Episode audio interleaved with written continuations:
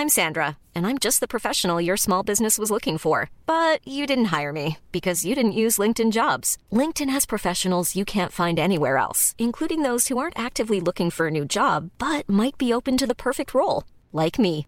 In a given month, over 70% of LinkedIn users don't visit other leading job sites. So if you're not looking on LinkedIn, you'll miss out on great candidates like Sandra. Start hiring professionals like a professional. Post your free job on linkedin.com/people today. De første gang vi traff hverandre i fjor, så han sa til meg at han ville dekke prismasalene med asfalt. Og da tenkte jeg hm, hvordan skal vi forklare dette når det gjelder ressursbruk, miljøvennlig begreper eller bestemmelser? Og hva vil det fortelle om hans 40 års karriere?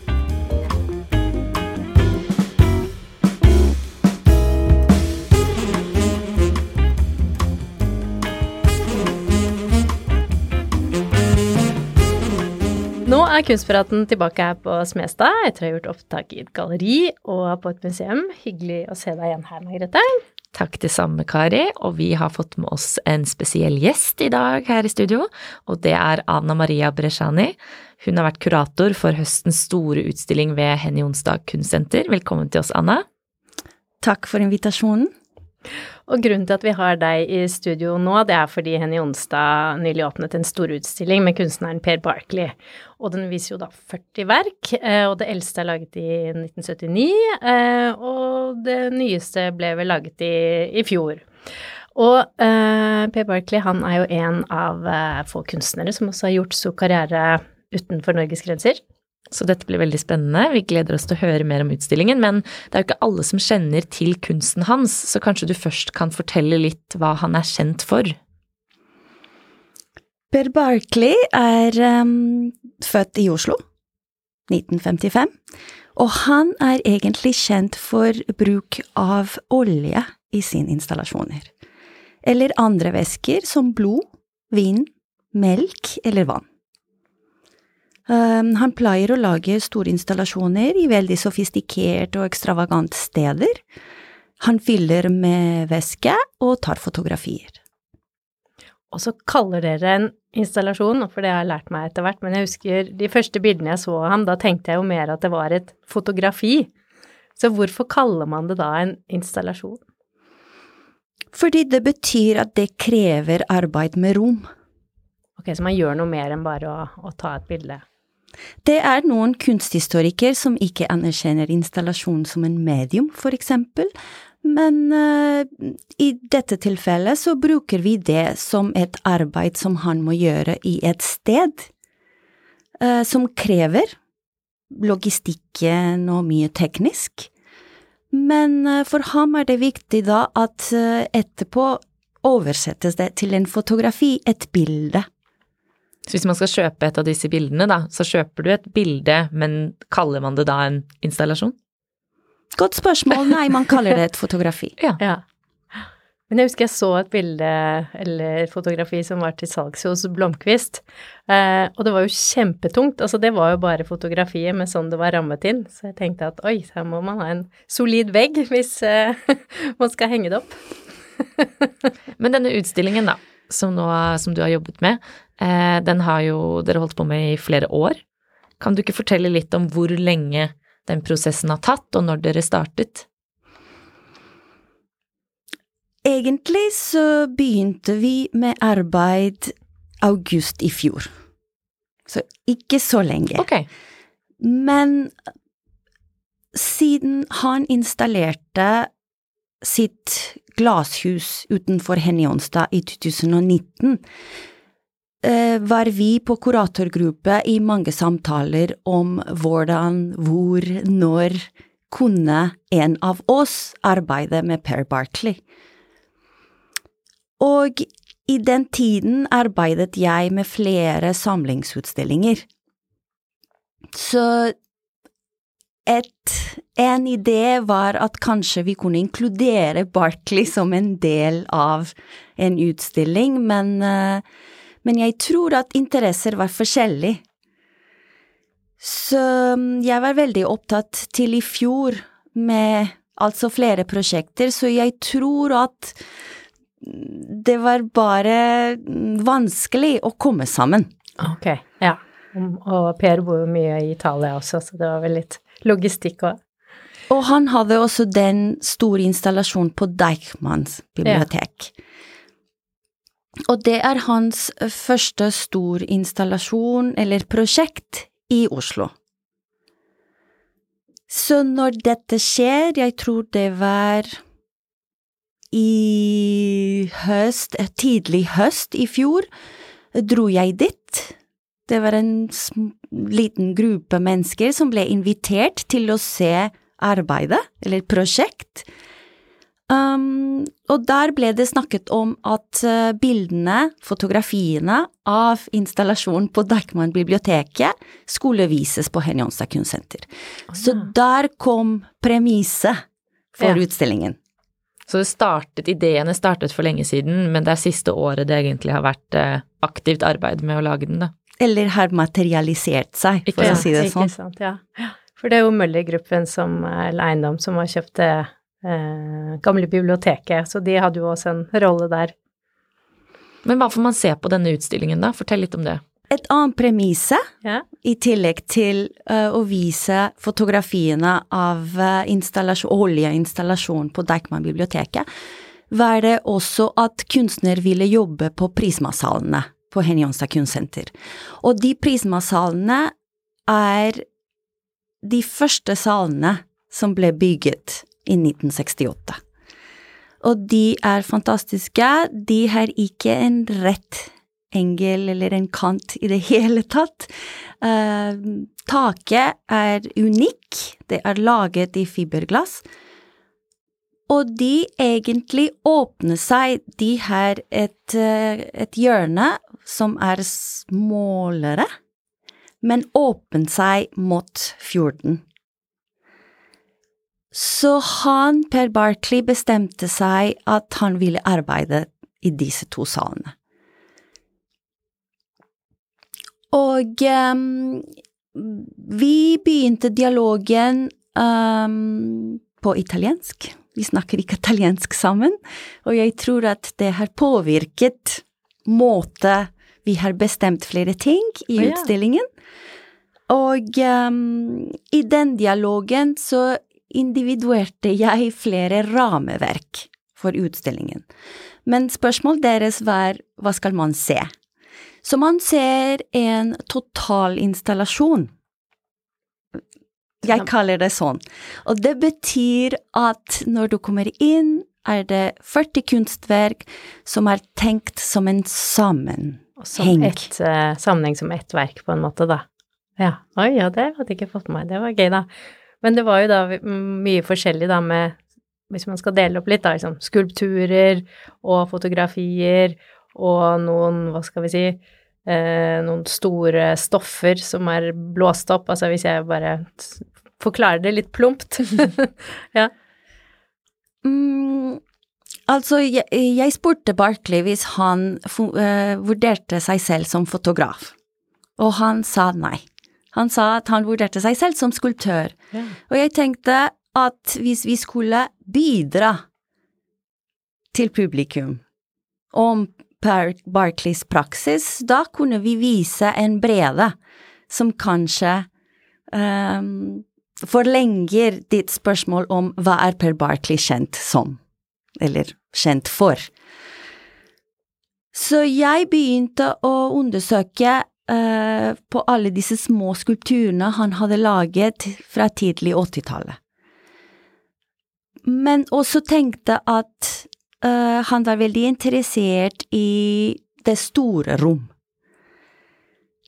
Så derfor, når man kommer inn i prismasalene, man ser på flere verk, fotografiene, men også skulptur, men også collage, og i flere skala. Så der er det mm, småskulpturene som han har laget veldig tidlig, som er en transisjon mellom maleri og skulptur.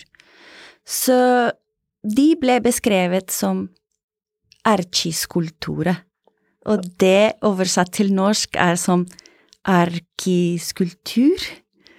Det er bare to ord sammen, arkitektur og skulptur. skulptur. ja, ja, det var et fint ord, da.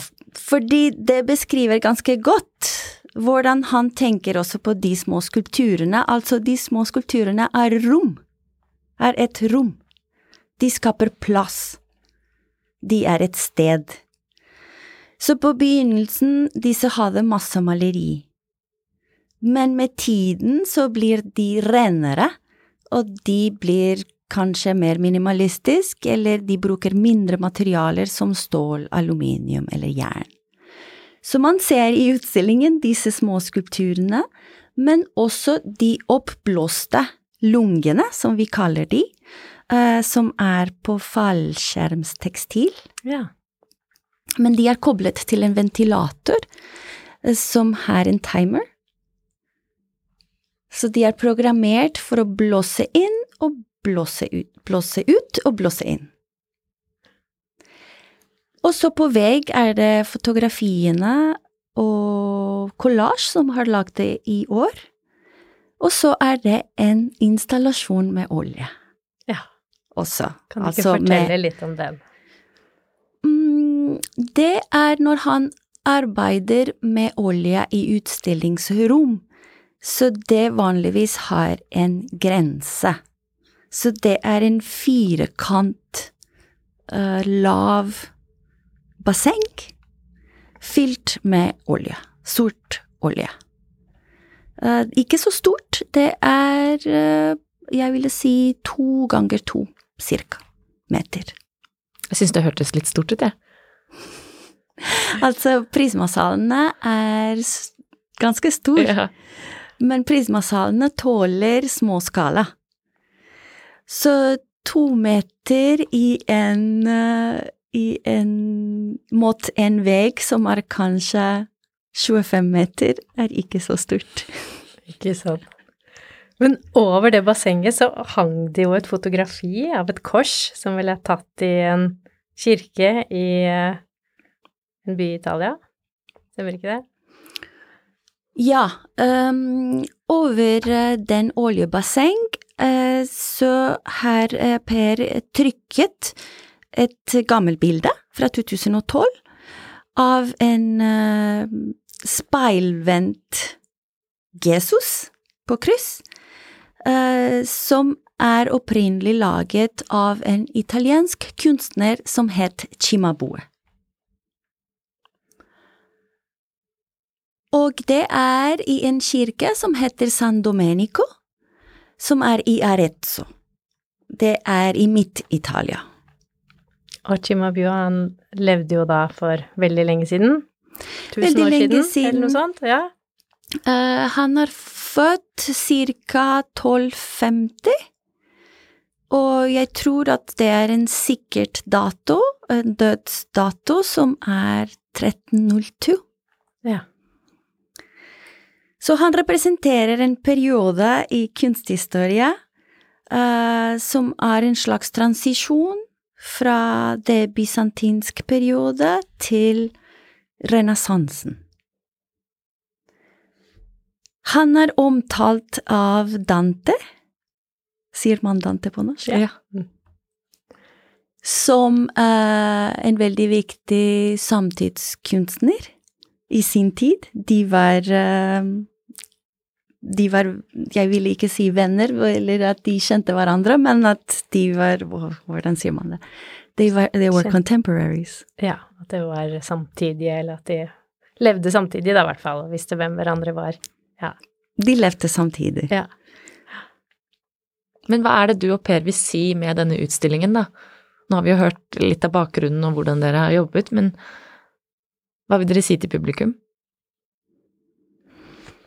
Vi ville si til publikum egentlig at eh, når eh, Eller jeg, først og fremst, ville si at eh, når en kunstner nådde en alder og en viktig periode i sin karriere, at det er viktig å gå tilbake og se hva den prosessen har blitt Når man jobber som kurator, så er det viktig først og fremst å etablere noe rammeverk. Er dette en retrospektive? Er dette en historisk utstilling, eller snakker vi om en veldig detaljert periode i en kunstners karriere? Og her var det bestemt at det skulle ikke være en retrospektive, fordi vi hadde ikke ressurser eller tid. Så da tenkte jeg at det var veldig begrenset hvis vi skulle bare forholde oss til det som Norges publikum kjenner, og det er fotografiene. Så dere ville vise noe annet da enn fotografiene? Jeg ville vise egentlig vår reise. Fordi vår reise har også vært å anerkjenne oss selv i vårt profesjonelt liv. Han som kunstner og jeg som kurator. Men har dere da på en måte funnet frem til dette sammen, eller er det du som har litt mer bestemt det, eller hvordan har det vært? Vi hadde en veldig fin dialog. Um, han har fortalt om det, så jeg kan fortelle det til dere også. De første gang vi traff hverandre i fjor, så han sa til meg at han ville dekke prismasalene med asfalt. Og da tenkte jeg, hm, hvordan skal vi forklare dette når det gjelder ressursbruk, miljøvennlig begreper eller bestemmelser, og hva vil det fortelle om hans 40-års karriere? Så jeg var veldig determinert og sa at kanskje vi kunne være litt mer generøse, både med hverandre og med publikum. Også fordi hvis man dekker med asfalt, det er ikke bare en miljøvennlig spørsmål, men det er også sånn at jeg som kurator trenger ikke å arbeide så mye. Det er bare mennesker som gjør logistikken og legger ned asfalten. Så hvis jeg skulle reise med Per, så da ville jeg høre litt mer om hvordan hans prosess hadde vært, så at han kunne tenke at nå hans arbeid skulle være asfalt, bare. Det skulle bare være asfalt, ikke noe annet? Nei. Oh, ja, ja, for jeg trodde det skulle bare være asfalt på gulvet og så ting på veggene. Nei. Ok, bare asfalt. Det var hans idé. Ja. og hva sa han da du eh, var litt mer uh, avmålt og negativ til uh, hans Nei, forslag? Nei, han var veldig uh, lytteaktig. Og uh, det var da, når jeg spurte Hvis han skulle se tilbake på sitt karriere, hva var de høydepunktene? som vi kunne kanskje arbeide litt fra eller med. Så mm, da kom det ut at vi kunne ha en samtale i katalogen. Fordi jeg også så i ham en kunsthistorisk interesse. Han studerte kunsthistorie, kunst, kunsthistorie i Bergen og det var da når han bestemte å forlate Norge og dra til Italia, hvor han studerte fotografi, scenografi, maleri og skulptur.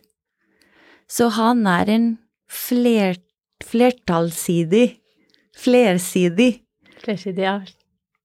Multikunstner eller flersidig, ja. Behersker mange teknikker. Så for meg var det en Det var da hvor jeg tenkte vi kunne komme inn. Ja, og vise mye forskjellig. Ja. Men han har jo da både studert i Italia og bodd mye i Italia, og du har bodd i Italia, så hvordan tenker du på en måte at den sterke Italia-tilknytningen har påvirket kunstnerskapet og utstillingen?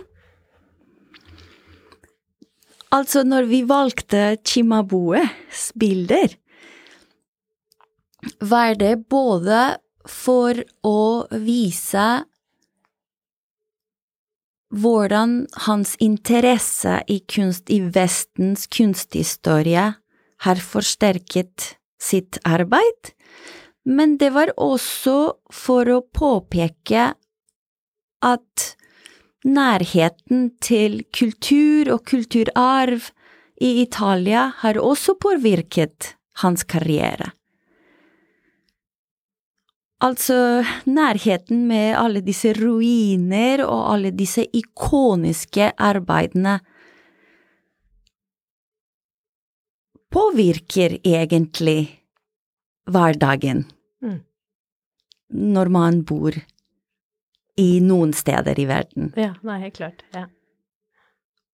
Og hans valg av alle disse stravagante og sofistikerte steder for å legge frem olje, er ikke å ta for gitt.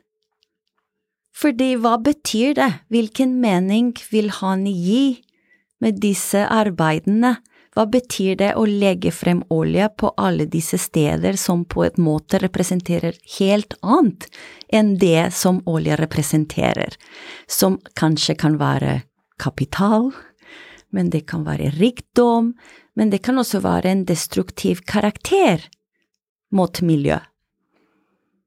Så alle disse paradoksene syns vi var veldig interessant i noen få bilder, som for eksempel Deichman, som bærer i seg kunnskap, og Chimabue, som bærer i seg det Vestens kulturelle arv, siden Chimabue er vurdert særlig fra Vasari, som er Vi vil ønske å tenke at Vasari var den første som skrev Vestens kunsthistorie, er vurdert som en transisjonspunkt. Han var lærer til Giotto, og Giotto er kjent for å maler eller representerer, og det betyr at en volum kommer ut, kommer frem fra en flate. Altså, perspektivet er det, at man kan se på et volum når et bilde er, eller en kropp er representert. Ja, ikke bare helt flatt, men at ja, Sier man ikke litt at han skapte på en måte det moderne maleriet, eller? Ja, Giotto, ja, Giotto. bærer mm. den arven, ja. selvsagt. Mm. Og inngang til det som vi kaller renessansen, eller ja. moderniteten. Men alle disse arbeidene, det var jo ikke sånn at Per hadde dem på lager, dere har jo lånt inn fra samlere og andre steder. Hvordan var det vanskelig å få tak i de bildene, eller? eller jeg liker å grave. Ja. Jeg må si det. Øh, jeg liker historikken, og jeg liker å grave, så da var det for eksempel veldig interessant å snakke med noen øh, samlere i Norge for eksempel de som hadde arbeidet med Per når Galleri Wang eksisterte på 80- og 90-tallet. Så jeg kom frem i deres lager og begynte å se på alle disse små skulpturene, for eksempel, og viste mye interesse. Det var ikke sånn at de sa nei, Anna, du kan ikke, vi kan ikke vise deg, men det var bare viste litt skeptisisme. Men jo mer jeg tenkte på alle disse arbeidene som jeg måtte lette etter, jo mer tenkte jeg også på studentarbeidene eller yngre generasjoner som kanskje kunne forholde seg til disse første som artist steps mm. i en karriere. Men så det var um, galleriet i Oslo som var veldig hjelpsomt. OSL, Contemporary, fordi de har selvsagt en inventar. Ja, et lager dere kunne mm -hmm. velge fra. Og så var det viktig for meg å treffe Per i Torino, ja. hvor han bor. Og jeg dro dit i november i forhold til en messe som heter Artissima. Og der traff jeg også flere mennesker som har vært viktige i hans karriere fra 90-tallet. Ja, det var gøy, da. For eksempel hans uh, gallerist, som heter Giorgio Persano, som er viktig på grunn av hans forhold med kunstner i Arte Povera-bevegelsen. Og um, Oliva Rauna fra Spania, som hadde et galleri Uh, det er nydelig stengt, men uh, hun har fremdeles en stor samling Så lånte dere noe derfra òg, eller? Nei. Det var ikke mulig på grunn av fraktkostnader. Ja. Men eh, hun var her, for eksempel, og støttet oss hele veien på en, la oss si, konseptuelt eller vennlig måte. Og så en annen gallerist som heter Francesco Pantaleone fra Sicilia. Så det er en stor miljø som følger Per, Ja, ja det er veldig og de har mye kunnskap. Mom deserves the best, and there's no better place to shop for Mother's Day than Whole Foods Market. They're your destination for unbeatable savings, from premium gifts to show-stopping flowers and irresistible desserts. Start by saving 33% with Prime on all body care and candles. Then get a 15-stem bunch of tulips for just $9.99 each with Prime. Round out Mom's menu with festive rosé, irresistible berry chantilly cake, and more special treats. Come celebrate Mother's Day at Whole Foods Market. Ready to pop the question? The jewelers at BlueNile.com have got sparkle down to a science with beautiful lab grown diamonds worthy of your most brilliant moments. Their lab grown diamonds are independently graded and guaranteed identical to natural diamonds, and they're ready to ship to your door. Go to BlueNile.com and use promo code LISTEN to get $50 off your purchase of $500 or more. That's code LISTEN at BlueNile.com for $50 off. BlueNile.com code LISTEN.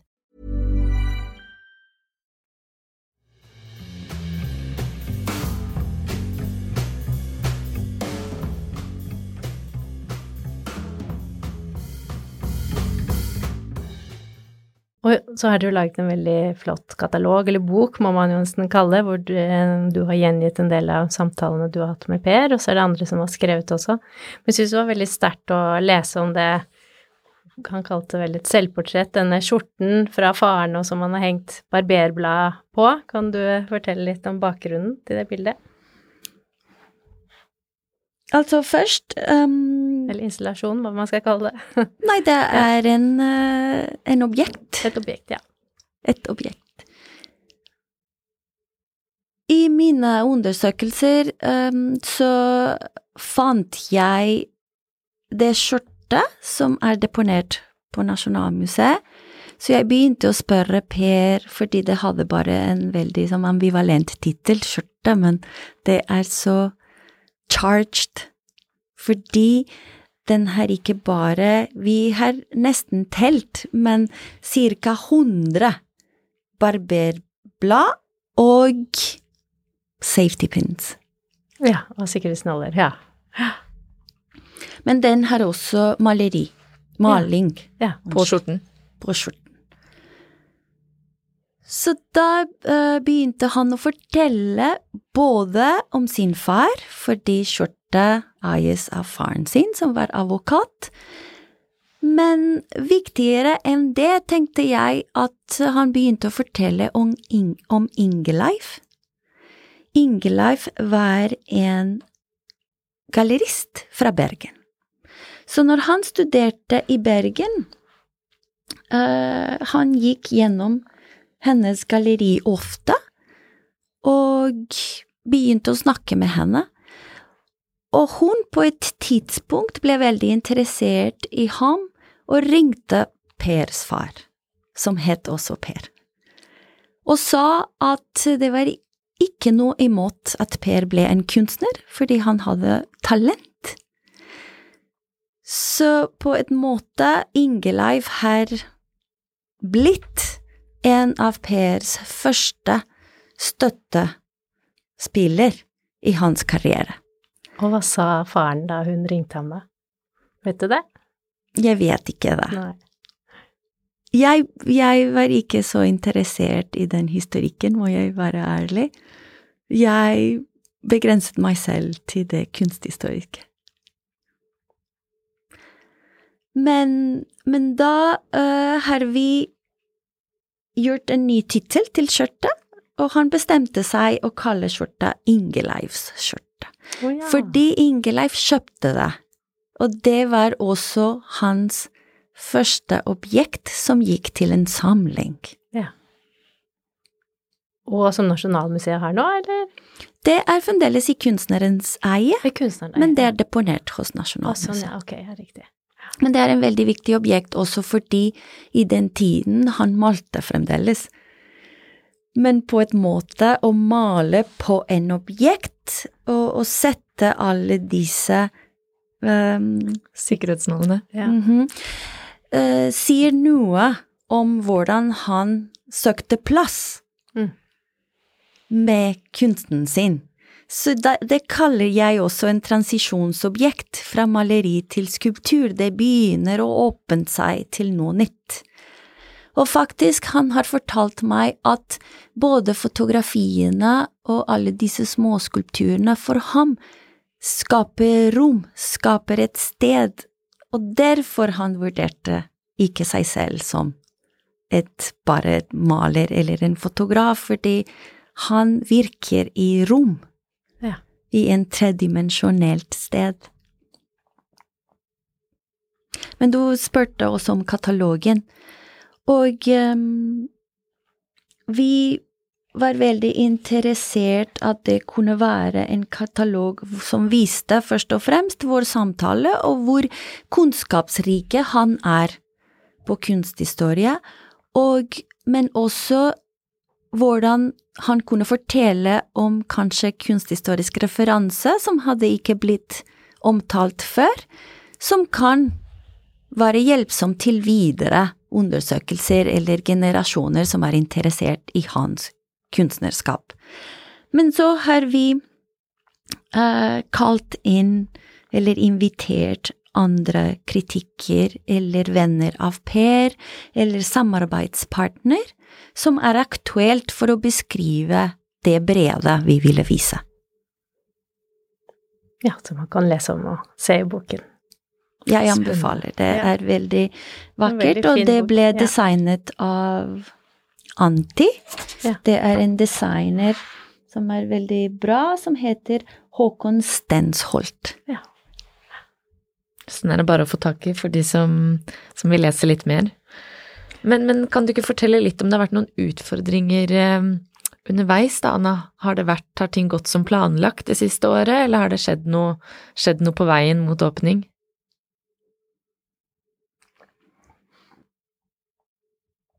Jeg prøver å tenke, fordi jeg tror at eh, det var et veldig bra samarbeid. Hvordan er det mm, Altså, du har jo da bakgrunn fra Colombia og Italia, og da bor du i Norge nå. Hva tenker du på en måte om eh, nordmenns eh, kunnskap om kunst og kunsthistorie?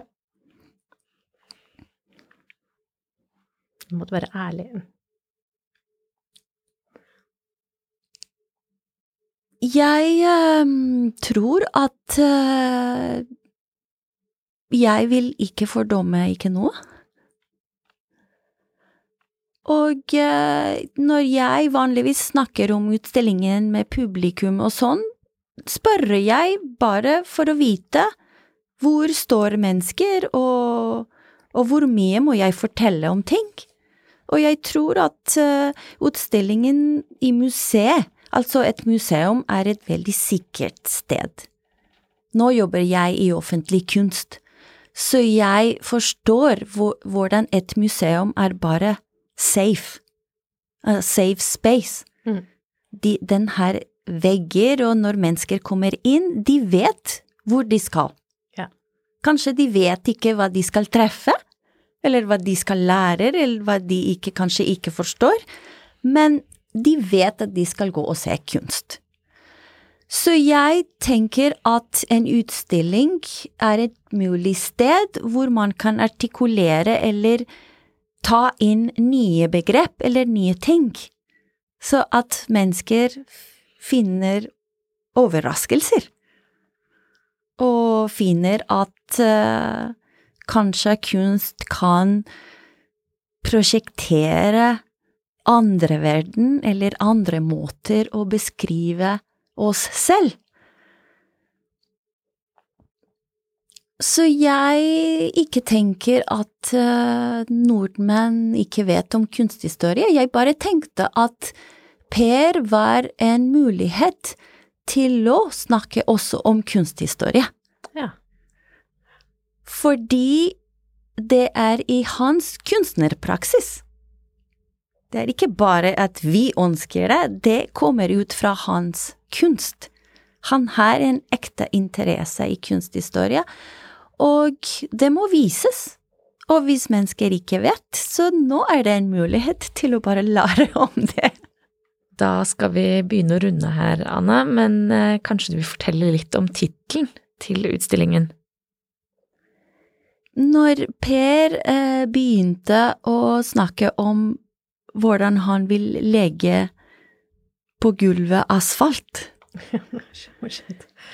da begynte jeg å spørre hva symboliserte asfalten, og hvordan han syntes det var viktig. Og han var veldig tydelig i hans beskrivelse av hvordan etter andre verdenskrigen eller eventyr, oljeeventyret hadde forandret vår forhold med en hverdag, og hvordan industrialisering hadde på en måte forandret Norge, og klasseforskjell. Og han egentlig begynte å snakke hvordan han følte seg i en virvel, og hvordan han noen ganger ikke forsto hvilke verdier vi skulle ta med oss.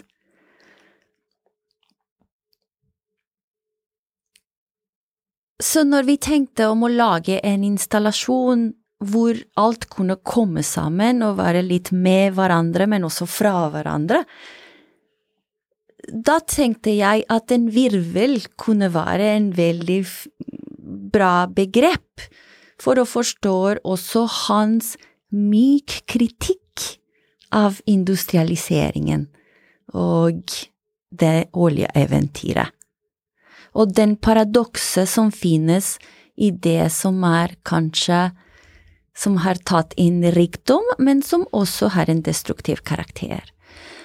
Men når jeg begynte også å undergrave litt om um, de kritikkere eller teori, teori, teori Teoriene, eller? Teoriene ja. om hans kunstnerskap så er det en veldig viktig italiensk kritiker og kurator som heter Achille Bonito Liva, som har beskrevet hans arbeid som soft and sweet.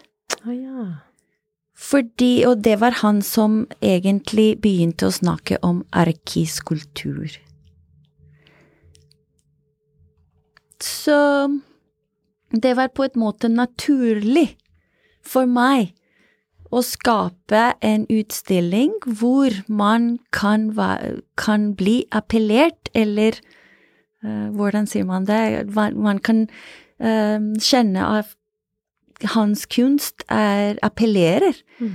men at også det ligger en symbolikken som kanskje skaper en mer paradoksalt eller farlig eller en destruktiv karakter, som barberblad, ja. som olje, som fallskjermstekstiler eller andre hardere materialer. Ja. For tittelen er jo da Soft Sweet Vortex. Mm. Ikke sant. Tusen takk, Anna, for at du kom i dag.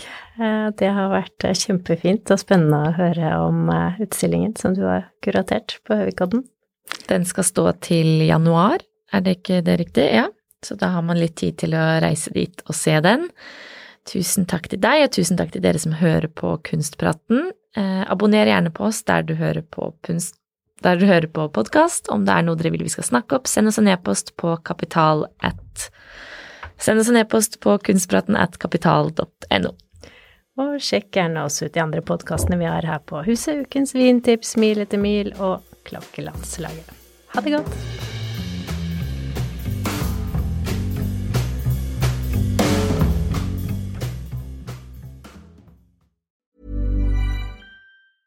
Mom deserves the best, and there's no better place to shop for Mother's Day than Whole Foods Market. They're your destination for unbeatable savings, from premium gifts to show-stopping flowers and irresistible desserts. Start by saving 33% with Prime on all body care and candles. Then get a 15-stem bunch of tulips for just $9.99 each with Prime. Round out Mom's menu with festive rosé, irresistible berry chantilly cake, and more special treats. Come celebrate Mother's Day at Whole Foods Market.